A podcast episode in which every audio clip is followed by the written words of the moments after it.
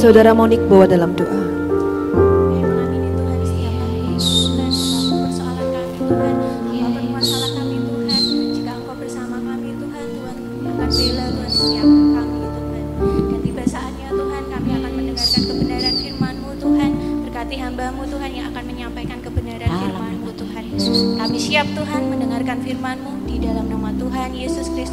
Kami sudah berdoa dan mengucap syukur. Haleluya Tuhan. Amin Amin. Amin. Puji nama Tuhan, selamat pagi Bapak Ibu, Saudara sekalian.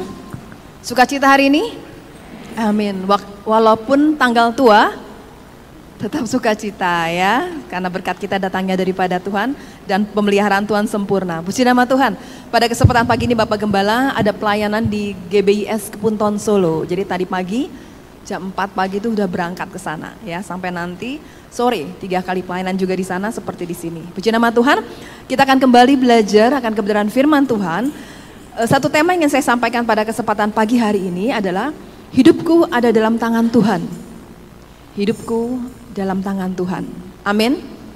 Amin. Kita baca sama-sama Ulangan 31 ayat ke-8. Saya undang kita bangkit berdiri. Ulangan 31 ayat yang ke-8.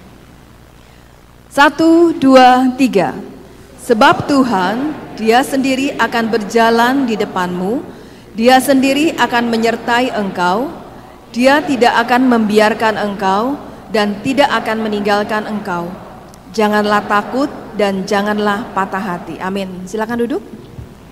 Ya, ulangan 38 ini adalah perkataan Musa kepada Yosua dan kepada bangsa Israel. Eh, saat itu Musa sudah berusia cukup tua sehingga dia tidak lagi memimpin bangsa Israel. Jadi diserahkan tapuk kepemimpinannya kepada Yosua. Nah, kalau saya baca ayat ini dikatakan dia sendiri akan menyertai engkau, dia ada di depanmu itu kalau saya bayangkan seperti eh, seseorang yang berpesan ya, berpesan kepada bangsa Israel dan kepada Yosua bahwa jangan takut ya. Walaupun dia tidak akan menyertai perjalanan bangsa Israel kepada sampai ke tanah Kanaan, tetapi Musa tetap memikirkan ya bangsa Israel dengan berpesan seperti ini. Kita baca coba ayatnya dalam Ulangan 31 ayat 1 sampai dengan ke-7. Ulangan 31 ayat 1 sampai dengan 7 Demikian firman Tuhan. Kemudian pergilah Musa lalu mengatakan segala perkataan ini kepada seluruh orang Israel. Berkatalah ia kepada mereka Aku sekarang berumur 120 tahun. Aku tidak dapat giat lagi Dan Tuhan telah berfirman kepadaku Sungai Yordan ini tidak akan kau seberangi Tuhan Allahmu Dialah yang akan menyeberang di depanmu Dialah yang akan memunahkan bangsa-bangsa itu dari hadapanmu sehingga engkau dapat memiliki negeri mereka Yosua. Dialah yang akan menyeberang di depanmu seperti difirmankan Tuhan. Dan Tuhan akan melakukan terhadap mereka seperti yang dilakukannya terhadap Sihon dan Og, raja-raja orang Amori yang telah dipunahkannya itu dan terhadap negeri mereka. Tuhan akan menyerahkan mereka kepadamu dan haruslah kamu melakukan kepada mereka tepat seperti perintah yang kusampaikan kepadamu. Kuatkanlah dan teguhkanlah hatimu. Janganlah takut dan janganlah gemetar karena mereka sebab Tuhan Allahmu dialah yang berjalan menyertai engkau. Ia tidak akan membiarkan engkau dan tidak akan meninggalkan engkau. Lalu Musa memanggil Yosua dan berkata kepadanya di depan seluruh orang Israel. Kuatkanlah dan teguhkanlah hatimu, sebab engkau akan masuk bersama-sama dengan bangsa ini ke negeri yang dijanjikan Tuhan dengan sumpah kepada nenek moyang mereka untuk memberikannya kepada mereka. Dan engkau akan memimpin mereka sampai mereka memilikinya.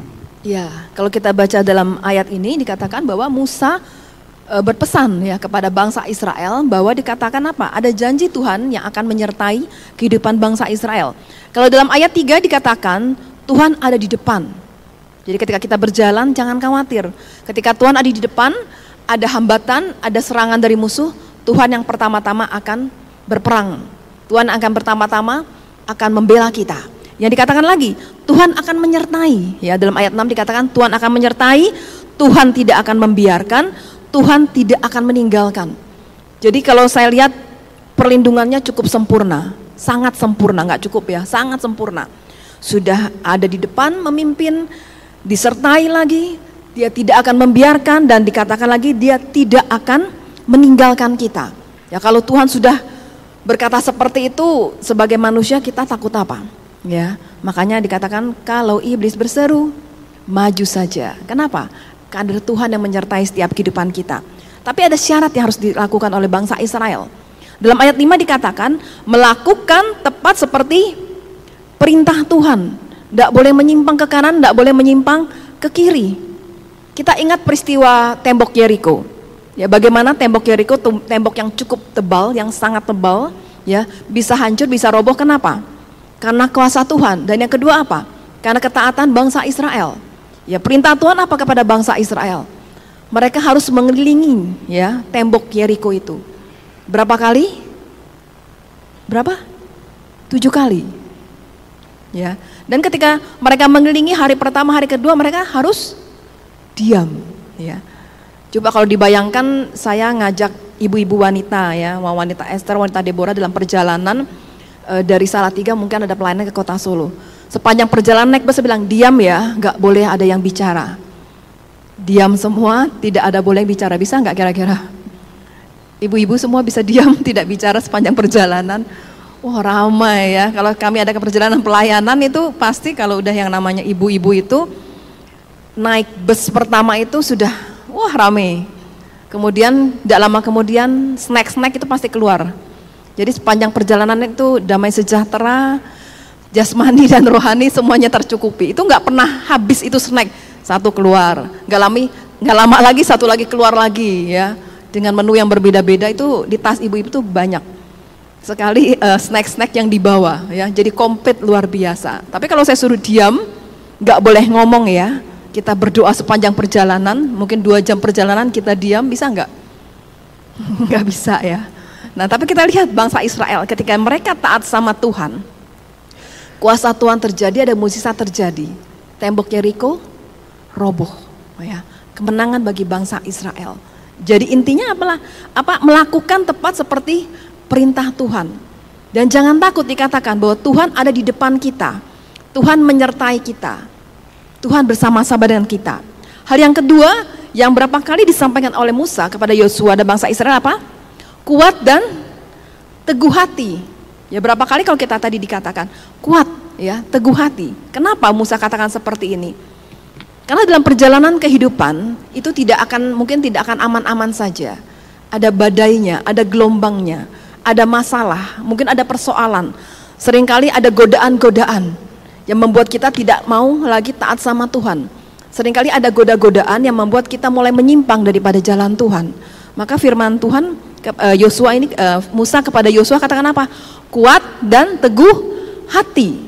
Terus harus berpegang sama Tuhan. Apa pun yang terjadi, kondisi apa pun yang terjadi, jangan pernah menyimpang dari firman Tuhan. Jangan pernah kita berjalan sendiri. Karena kan kita minta Tuhan menyertai kita. Tuhan memimpin setiap langkah kaki kita. Ikuti, taat, kuat dan teguh hati. Nah, kalau kita lihat tadi dikatakan ya, kenapa kok e, dikatakan hidupku dalam tangan Tuhan? Ketika kita berada di mana pun kita boleh berada, ya hidup kita tetap dalam tangan Tuhan. Kita baca dalam Mazmur 139 ayat 7 sampai 10 dikatakan bahwa Allah itu hadir di mana pun kita berada.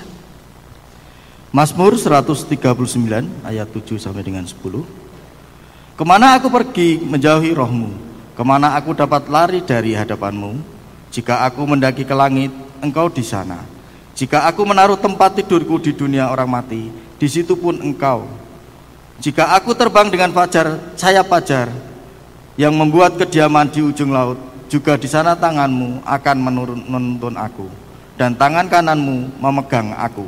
Ya, dikatakan apa? Bahwa di mana pun kita berada, ketika kita pergi, mau kita ngumpet ke mana pun dikatakan bahwa Tuhan itu ada, Tuhan itu hadir, Tuhan itu bisa mengerti keadaan kita. Ya, kalau saya baca ayat sebelumnya dalam ayat 1, coba saya akan bacakan. Untuk pemimpin biduan Mazmur Daud. Tuhan engkau menyelidiki dan mengenal aku. Engkau mengetahui kalau aku duduk atau berdiri. Engkau mengerti pikiranku dari jauh. Engkau memeriksa aku kalau aku berjalan dan berbaring. Segala jalanku kau maklumi. Sebab sebelum lidahku mengeluarkan perkataan, sesungguhnya semuanya telah kau ketahui ya Tuhan. Dari belakang dan dari depan engkau mengurung aku, dan engkau menaruh tanganmu ke atasku. Terlalu ajaib bagiku pengetahuan itu, terlalu tinggi tidak sanggup aku mencapainya. Jadi kalau kita lihat ini Mazmur Daud mengatakan apa? Bahwa Tuhan senantiasa ada dan hadir di mana pun kita boleh berada. Ketika kita melakukan hal-hal yang tidak berkenan kepada Tuhan, mungkin orang lain nggak tahu, di tempat yang tersembunyi sekalipun, Tuhan ada. Kemarin waktu saya nonton eh, pertandingan basket, ya anak-anak, anak-anak bermain basket dan saya nonton, eh, kemudian ketika ada satu pelanggaran yang dilakukan, lalu supporternya nyanyi satu pujian, pujian. Hati-hati gunakan tanganmu, hati-hati gunakan tanganmu. Kenapa? Lanjutnya apa? Mata Tuhan melihat katanya. Jadi ketika ada satu pelanggaran ya, lalu supporternya nyanyi seperti itu. Jadi walaupun mungkin wasitnya nggak ngelihat ada pelanggaran, wasitnya nggak tahu ada pelanggaran, akhirnya uh, tidak kena false ya. Tetapi anak-anak ini yang tahu melihat dan mengatakan pujian tadi, hati-hati gunakan tanganmu. Intinya apa? Bahwa apa pun yang kita kerjakan, walaupun manusia nggak tahu, Tuhan tahu. Apa pun yang kita lakukan, kebohongan-kebohongan yang kita lakukan, Tuhan tahu, Tuhan melihat. Ya, jadi hati-hati. Kalau kita baca dalam uh, ayat berikutnya, Amsal 15 ayat 3. Amsal 15 ayat 3. Mata Tuhan ada di segala tempat, mengawasi orang jahat dan orang baik. Ya, ya mata Tuhan ada di segala tempat. Dia mengawasi setiap apa pun yang kita kerjakan. Ketika kita tidur, ketika kita ada di kamar sendirian, ketika kita sedang bekerja, ketika kita bersembunyi di mana pun dikatakan mata Tuhan ada di segala tempat. Dia maha hadir, dia tahu ketika kondisi kita mungkin sedang terpuruk, ketika kita kondisi dalam lembah kekelaman dikatakan Tuhan hadir, dia mengawasi kita, dia melihat kita. Di kondisi kita sedang mengalami satu tekanan yang cukup berat, di mana mungkin kita nggak bisa ngomong sama orang lain, di mana mungkin saudara-saudara kita, keluarga kita mungkin kita nggak bisa cerita tentang hal itu. Mata Tuhan ada di segala tempat. Dia tahu kondisi kita yang sedang terpuruk mungkin. Dia tahu kondisi kita dalam lembah kekelaman. Jadi jangan takut, ada Tuhan yang menyertai, yang mengawasi setiap kehidupan kita. Ya. Lalu yang berikutnya adalah tangan Tuhan sedang merenda. Merenda gampang nggak ibu-ibu? Saya bukan orang yang sabar untuk seperti ini, pekerjaan tangan seperti ini ya, merenda. Merenda itu bukan hal yang mudah, harus sabar. Ya, dikatakan kalau salah harus biarin aja, diulang lagi, ya, dibuka lagi, diulang lagi. Harus ada pola gambarnya, katanya susunannya, warnanya supaya indah. Ya, kemudian kalau kita lihat hasil lanjutan, katakan sisi satunya bagus, teratur, sisi belakangnya sering kali nggak beraturan, ya kan? Tetapi sisi bagian depannya e, teratur dan bagus dan indah sekali kalau kita lihat. Ya demikian juga dikatakan apa? Hidup kita, tangan Tuhan sedang merendah kehidupan kita. Ya mungkin di satu sisinya kelihatan indah sekali, tetapi di satu sisinya dikatakan ada proses Tuhan. Ketika Tuhan sedang merendah hidup kita, ada proses Tuhan. Yang mungkin kalau kita lihat nggak menyenangkan, nggak enak. Ya, secara daging mungkin tidak nyaman, jelek rasanya mungkin. Tetapi di satu sisi ketika semua hasilnya itu, semua proses itu bisa dilaksanakan dengan baik, ada keindahan yang akan terlihat. Dulu uh, Bukan ini jago merenda, jago buat kerajinan tangan. Wanita pernah diajari membuat tas dari tali. Hebat ya. Orang yang menciptakan, saya pikir ini orang kok pinter banget punya ide gitu ya, yang menciptakan itu dan kita kan hanya tinggal belajar. Jadi tali-tali, tali-tali, tali, pokoknya talinya saya pikir gimana caranya bisa jadi tas ya gitu ya. Jadi di, diputar sana, dimasukin sini, dimasukin sini, diajari. Diajari sehingga menjadi sebuah tas nggak tahu yang muridnya bukan itu ada yang berhasil nggak buat tas? Saya nggak berhasil. Nggak sabaran ya. Tangan cukup sakit ya karena harus narik narik talinya. Dan ketika salah jadi jelek ya. Nggak nggak seimbang. Bentuknya nggak bagus ya. Salah harus dibuat lagi dan diulang lagi. Nggak mudah. Ya prosesnya untuk menjadi satu keindahan itu nggak gampang. Nah tangan Tuhan sedang merendah kehidupan kita. Karena tadi temanya apa? Hidupku dalam tangan Tuhan kalau hidup kita di dalam tangan Tuhan, biarkan tangan Tuhan yang merendah setiap kehidupan kita. Tangan Tuhan yang memproses supaya hidup kita indah. Ketika kita nurut sama Tuhan, maka itu menjadi hal yang luar biasa. Ada satu kesaksian yang saya membaca, ada satu kesaksian. eh, mungkin ada yang sudah pernah dengar, ini kakak dari penyanyi rohani Herlin Pirena. Ya, dikatakan dia adalah seorang eh, anak laki-laki, waktu itu usianya 10 tahun, dia memiliki talenta yang cukup besar dalam menggambar.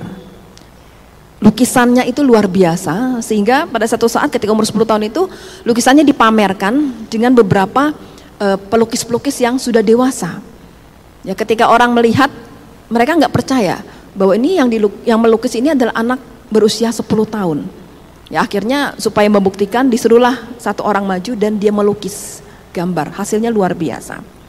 Kemudian perjalanan berjalan terus sampai terjadi G30 PKI saat itu sehingga e, orang tuanya harus e, pindah ke Jakarta dan pekerjaannya akhirnya nggak ada dan anak inilah yang harus ketika dia masa sekolah dia harus tetap melukis menjual karya-karya lukisannya untuk membantu menopang kehidupan keluarga.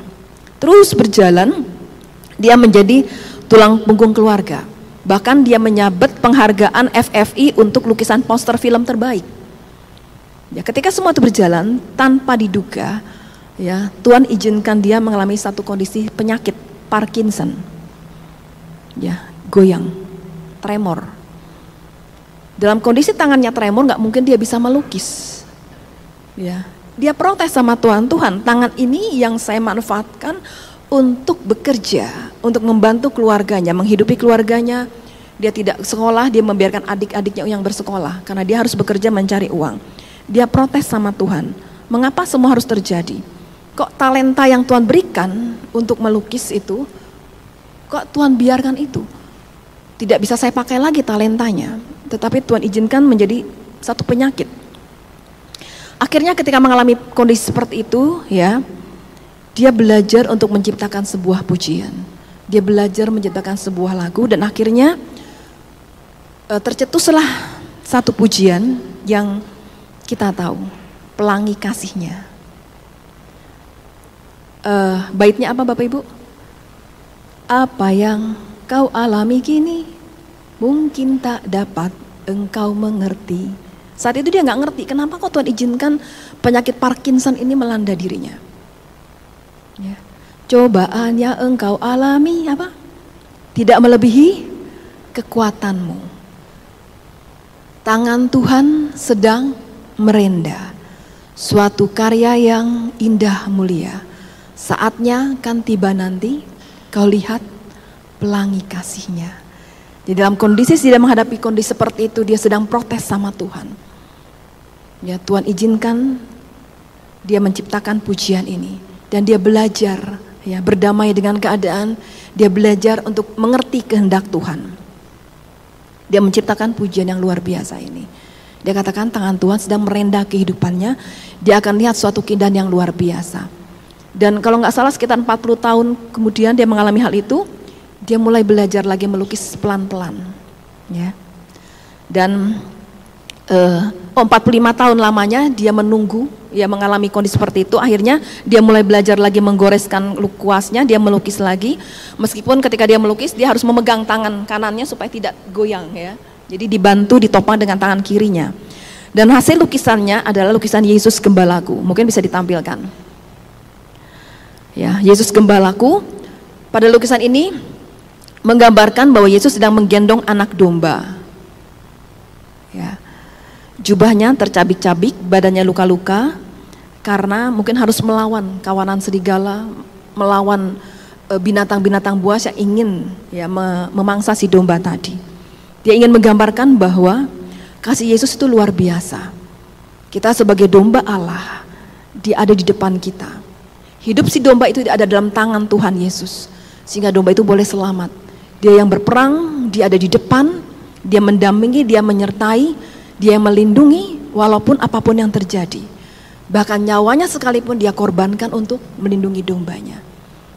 Jadi pelukis ini ingin menggambarkan bahwa kasih Yesus itu luar biasa. Apa yang dia alami tidak sesuai dengan pengorbanan Yesus. Kondisi yang dia alami dia belajar bahwa Tuhan sedang merendah kehidupannya.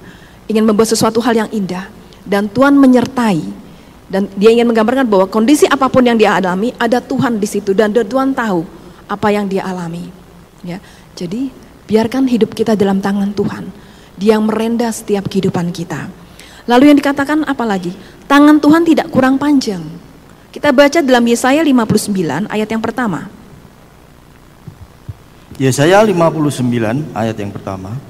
Sesungguhnya tangan Tuhan tidak kurang panjang untuk menyelamatkan dan pendengarannya tidak kurang tajam untuk mendengar. Iya. Seringkali kita protes Tuhan kok pertolonganku lama ya Tuhan. Hidupku dalam tangan Tuhan loh, kok aku ngalami hal ini lama. Seperti pelukis tadi dikatakan 45 tahun. Ya, dia mengalami hal itu dan dia harus tough ya, harus tough mengalami menghadapi hal itu, harus kuat menghadapi itu. Mungkin saat itu ketika dia berdoa sama Tuhan, Tuhan tolong dong Tuhan, sembuhkan aku, nyatakan kuasamu, musisatmu sehingga aku bisa melukis kembali. Sehingga aku terhindar ya, terlepas dari penyakit Parkinson tadi. Seringkali kita seperti itu, kita pikir kok Tuhan nggak tolong-tolong ya. Tapi firman Tuhan katakan apa? Bahwa tangan Tuhan itu tidak kurang panjang untuk menyelamatkan kita. Dan telinganya tidak tidak kurang tajam mendengar apa yang keluhan kita.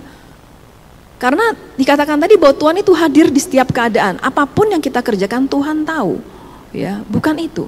Tetapi Tuhan sedang memproses kehidupan kita.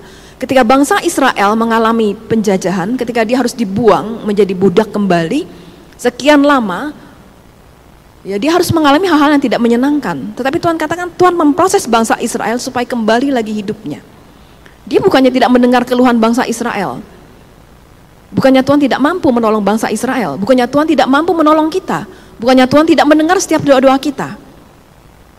Dia mendengar setiap doa kita. Tetapi ada waktu yang Tuhan berikan. Proses tadi. Ada sesuatu hal yang mungkin tidak menyenangkan harus kita alami. Tetapi kita akan melihat suatu keindahan. Ketika tangan Tuhan selesai merendah setiap kehidupan kita dan kita boleh menerima mahkota kehidupan. Itu yang Tuhan inginkan dalam setiap kehidupan kita. Sabar, ya. Kita harus sabar. Ikuti maunya Tuhan. Karena apa? Yesus yang membuat sering kali Tuhan rasanya Tuhan kok tidak menyertai kita. Kita baca Yesaya 59 ayat 2 sampai 3. Yesaya 59 ayat 2 sampai dengan 3. Tetapi yang merupakan pemisah antara kamu dan Allahmu ialah segala kejahatanmu dan yang membuat dia menyembunyikan diri terhadap kamu sehingga ia tidak mendengar ialah segala dosamu. Sebab tanganmu cemar oleh darah dan jarimu oleh kejahatan. Mulutmu mengucapkan dusta, lidahmu menyebut-nyebut kecurangan. Ya kita lihat di sini apa? Yang membuat sering kali dikatakan bahwa pemisah antara kamu dan Allahmu ialah segala dosamu. Yang sering kali membuat dikatakan rasanya kok Tuhan tidak menolong karena kita tidak lagi nurut sama jalannya Tuhan. Kita menyimpang, kita nggak taat sama Tuhan. Ketika kita menyimpang dari jalan Tuhan, nggak mungkin Tuhan bisa menolong kita. Kita sudah jauh dari Tuhan. Kembali lagi, ya kembali lagi sehingga dikatakan bahwa Tuhan pasti akan menolong kita. Dia pasti memberkati kita. Syaratnya apa tadi? taat, nurut sama Tuhan.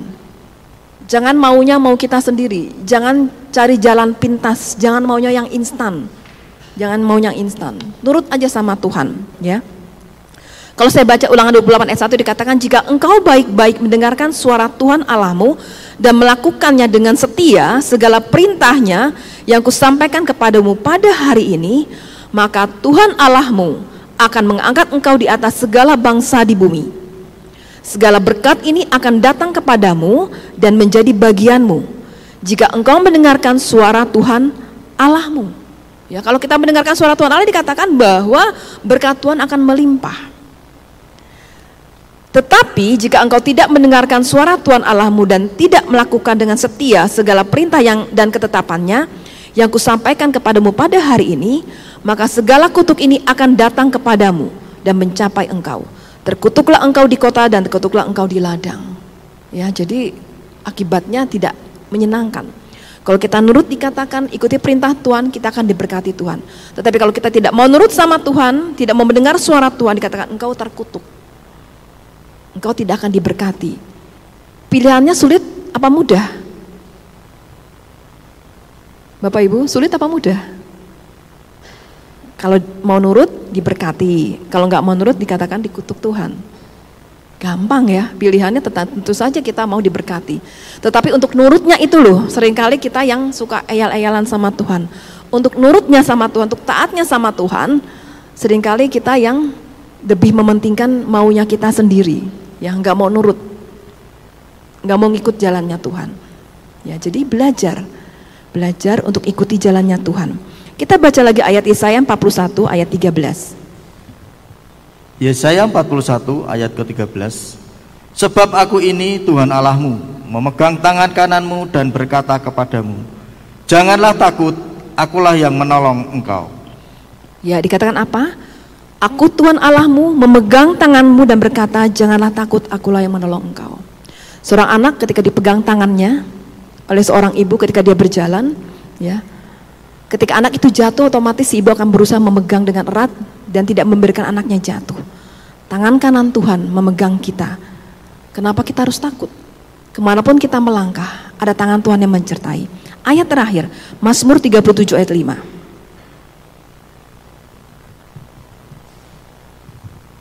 Mazmur 37 ayat yang kelima Serahkanlah hidupmu kepada Tuhan dan percayalah kepadanya dan ia tidak akan dia akan dan ia akan bertindak. bertindak. Ya, dikatakan apa? Serahkanlah hidupmu kepada Tuhan dan percayalah kepadanya dan dia akan bertindak. Ketika kita menyerahkan kehidupan kita ke dalam tangan Tuhan, dikatakan apa? Serahkan hidupmu kepada Tuhan. Tuhan yang akan bertindak. Apa pun yang kita lakukan, apa pun yang kita kerjakan, tangan Tuhan akan bertindak. Dia yang ada di depan kita, jangan khawatir. Kita ingat satu kisah Daud ketika dia e, menjadi seorang gembala. Daud yang masih kecil itu, masih remaja istilahnya, ya. Walaupun dia dipercayakan hanya dua atau tiga ekor domba saja, dia bertanggung jawab untuk keselamatan si domba-dombanya tadi. Apa pun yang terjadi dikatakan Daud berani melawan. Dia berani mempertaruhkan nyawanya untuk menyelamatkan domba-dombanya. Dikatakan serigala misalnya harimau, singa, beruang sekalipun yang mungkin kekuatannya lebih besar dari si Daud yang secara nyata binatang-binatang buas itu mempunyai uh, kebuasan yang luar biasa tetapi Daud berani. Kenapa? Karena Daud tahu dia disertai oleh Tuhan. Karena Daud tahu ada Tuhan bersama-sama dengan dia. Ada kuasa Tuhan yang melindungi dia. Jadi ketika dia melawan ancaman, melawan bahaya apa pun, dia selalu pegang nama Tuhan. Bahkan ketika dia harus melawan Goliat, ketika para tentara-tentara yang mempunyai keahlian, mungkin para tentara-tentara itu mempunyai uh, apa ya kemampuan untuk berperang, dilatih untuk berperang menjadi tentara melawan musuh, mereka nggak berani. Kenapa? Melihat Goliat yang cukup besar, Melihat Goliat yang rasanya kok seperti raksasa, kekuatannya luar biasa, mereka nggak berani. Tetapi berbeda dengan Daud. Karena Daud tahu ada penyertaan Tuhan dikatakan, ada Tuhan di depan dia. Ada Tuhan yang menyertai dia, ada Tuhan yang memegang tangan kanannya. Ada Tuhan yang membimbing dia dan tidak akan pernah meninggalkan dia. Jadi bahaya apa pun sebesar apa pun dihadapi dengan kuasa Tuhan. Di dalam nama Tuhan jadi luar biasa. Kita memiliki Allah yang hebat. Kita memiliki Allah yang senantiasa hadir bersama-sama dengan kita di mana pun kita boleh berada. Kenapa kita harus takut? Kenapa kita harus khawatir? Ketika kekuatan itu melanda, cepat datang sama Tuhan. Minta Tuhan memampukan kita menghadapi apa pun juga. Masalah, persoalan apa pun yang besar yang mungkin menimpa kehidupan kita. Tetapi kuasa Tuhan lebih besar, amin. Penyertaan Tuhan sempurna Tangan Tuhan sedang merendah setiap kehidupan kita. Biarkan tangan Tuhan bekerja, merendah setiap kehidupan kita. Sehingga akan akhirnya nanti kita melihat suatu keindahan yang luar biasa. Suatu karya yang luar biasa. Tetapi ketika kita tidak mau nurut sama Tuhan, maka kita akan hancur. Dikatakan kita akan terkutuk. Zaman-zaman sekarang ini banyak hal-hal yang uh, semakin hari rasanya tidak semakin baik Kondisi-kondisi dunia tidak semakin baik. Di tahun 2023 ini kita nggak ngerti ke depannya akan mau jadi seperti apa. Apakah akan timbul lagi masalah seperti COVID kemarin? Tidak tahu. Apakah akan timbul lagi suatu masalah persoalan yang akan terjadi di dalam kehidupan di dunia ini kita nggak ngerti. Tetapi kalau kita menyerahkan hidup kita di dalam tangan Tuhan, kondisi dunia mau sehancur apa pun, Kondisi dunia, kondisi dunia mau sejelek apa pun, mau seburuk apa pun, kita tetap dalam perlindungan Tuhan. Kita tetap dalam naungan kuasa Tuhan. Jangan gentar, jangan takut. Orang yang maju berperang harus apa? Harus percaya diri, harus pede, nggak boleh takut. Ketika dia takut, rasanya udah kalah duluan. Anak saya Deo yang main basket, dulu percaya dirinya kurang sekali. Ya, dia khawatir, dia takut Ketika menghadapi final, waktu itu ketika harus masuk ke final, itu rasanya kan ada kegentaran di hatinya, ya, ada ketakutan sering kali ketika harus berjuang di final, karena pasti lawannya akan lebih hebat lagi, lawannya akan lebih jago lagi. Jadi sering ketika e, harus masuk dalam final itu dikatakan gemetaran dia. Ketika dia gemetaran, dia tidak percaya diri, ya dia takut. Ketika dia harus memasukkan bola, luput bolanya, gak masuk, ya, karena tangannya gemetar, tidak bisa mencapai e, keinginannya, tidak bisa goal intinya seperti itu. Demikian juga dengan kehidupan kita. Ketika kita menghadapi tantangan, badai, gelombang apa pun, yang rasanya sangat cukup besar, yang rasanya mungkin secara secara manusia tuh nggak mungkin bisa diselesaikan, nggak ada jalan keluarnya. Tuhan harus gimana ini? Nggak ngerti. Ya. Ketika ada orang-orang yang konseling kepada saya, saya katakan saya juga mungkin nggak ngerti jalan keluarnya. Tetapi saya katakan kita punya kuasa Tuhan. Kita bawa dalam tangan Tuhan. Ketika kita menghadapi pencobaan apa pun, beban yang menghimpit kita, gemetaran, kita ketakutan, rasanya waduh udah nggak mungkin lagi bisa, nggak mungkin lagi bisa. Maka seperti anak saya tadi, ketika tangannya gemetaran, ya harusnya dikatakan isi lay up, ya dia bisa masukkan dengan gampangnya, dia nggak bisa masuk karena gemetaran. Kalau kita menghadapi masalah persoalan di dunia ini dengan kita ketakutan, kita khawatir, kita gemetar, kita akan berhasil melewatinya. Tetapi kita kita percaya diri karena kita punya Tuhan yang luar biasa, maka kita akan mencapai kemenangan. Kita akan berhasil melewati badai itu karena tangan Tuhan menopang kita. Karena hidup kita ada di dalam tangan Tuhan. Puji nama Tuhan, itu sedikit renungan yang boleh saya bawakan. Dan kami aminkan pujian ini Tuhan. Kami selalu ada di dalam rencana Engkau kami selalu ada di dalam pikiranmu Tuhan. Dan yang kau berikan dalam hidup kami, itu adalah yang terbaik Tuhan. Itu adalah yang terhebat dalam setiap kehidupan kami. Ajar kami untuk tetap kami percaya kepada Engkau. Ajar kami untuk tetap kami berharap penuh kepada Engkau. Dan ajar kami tetap memegang teguh bahwa firman-Mu adalah ya dan amin dalam setiap kehidupan kami. Terima kasih Tuhan, firman yang luar biasa boleh kami terima dengan penuh ucapan syukur. Bahkan hambamu yang sudah menyampaikan pun Tuhan juga memberkati dengan ber, berkat yang berlimpah. Terima kasih Tuhan. Terima kasih kami aminkan firman-Mu dan kami lakukan firman-Mu dalam setiap kehidupan kami. Roh Kudus memampu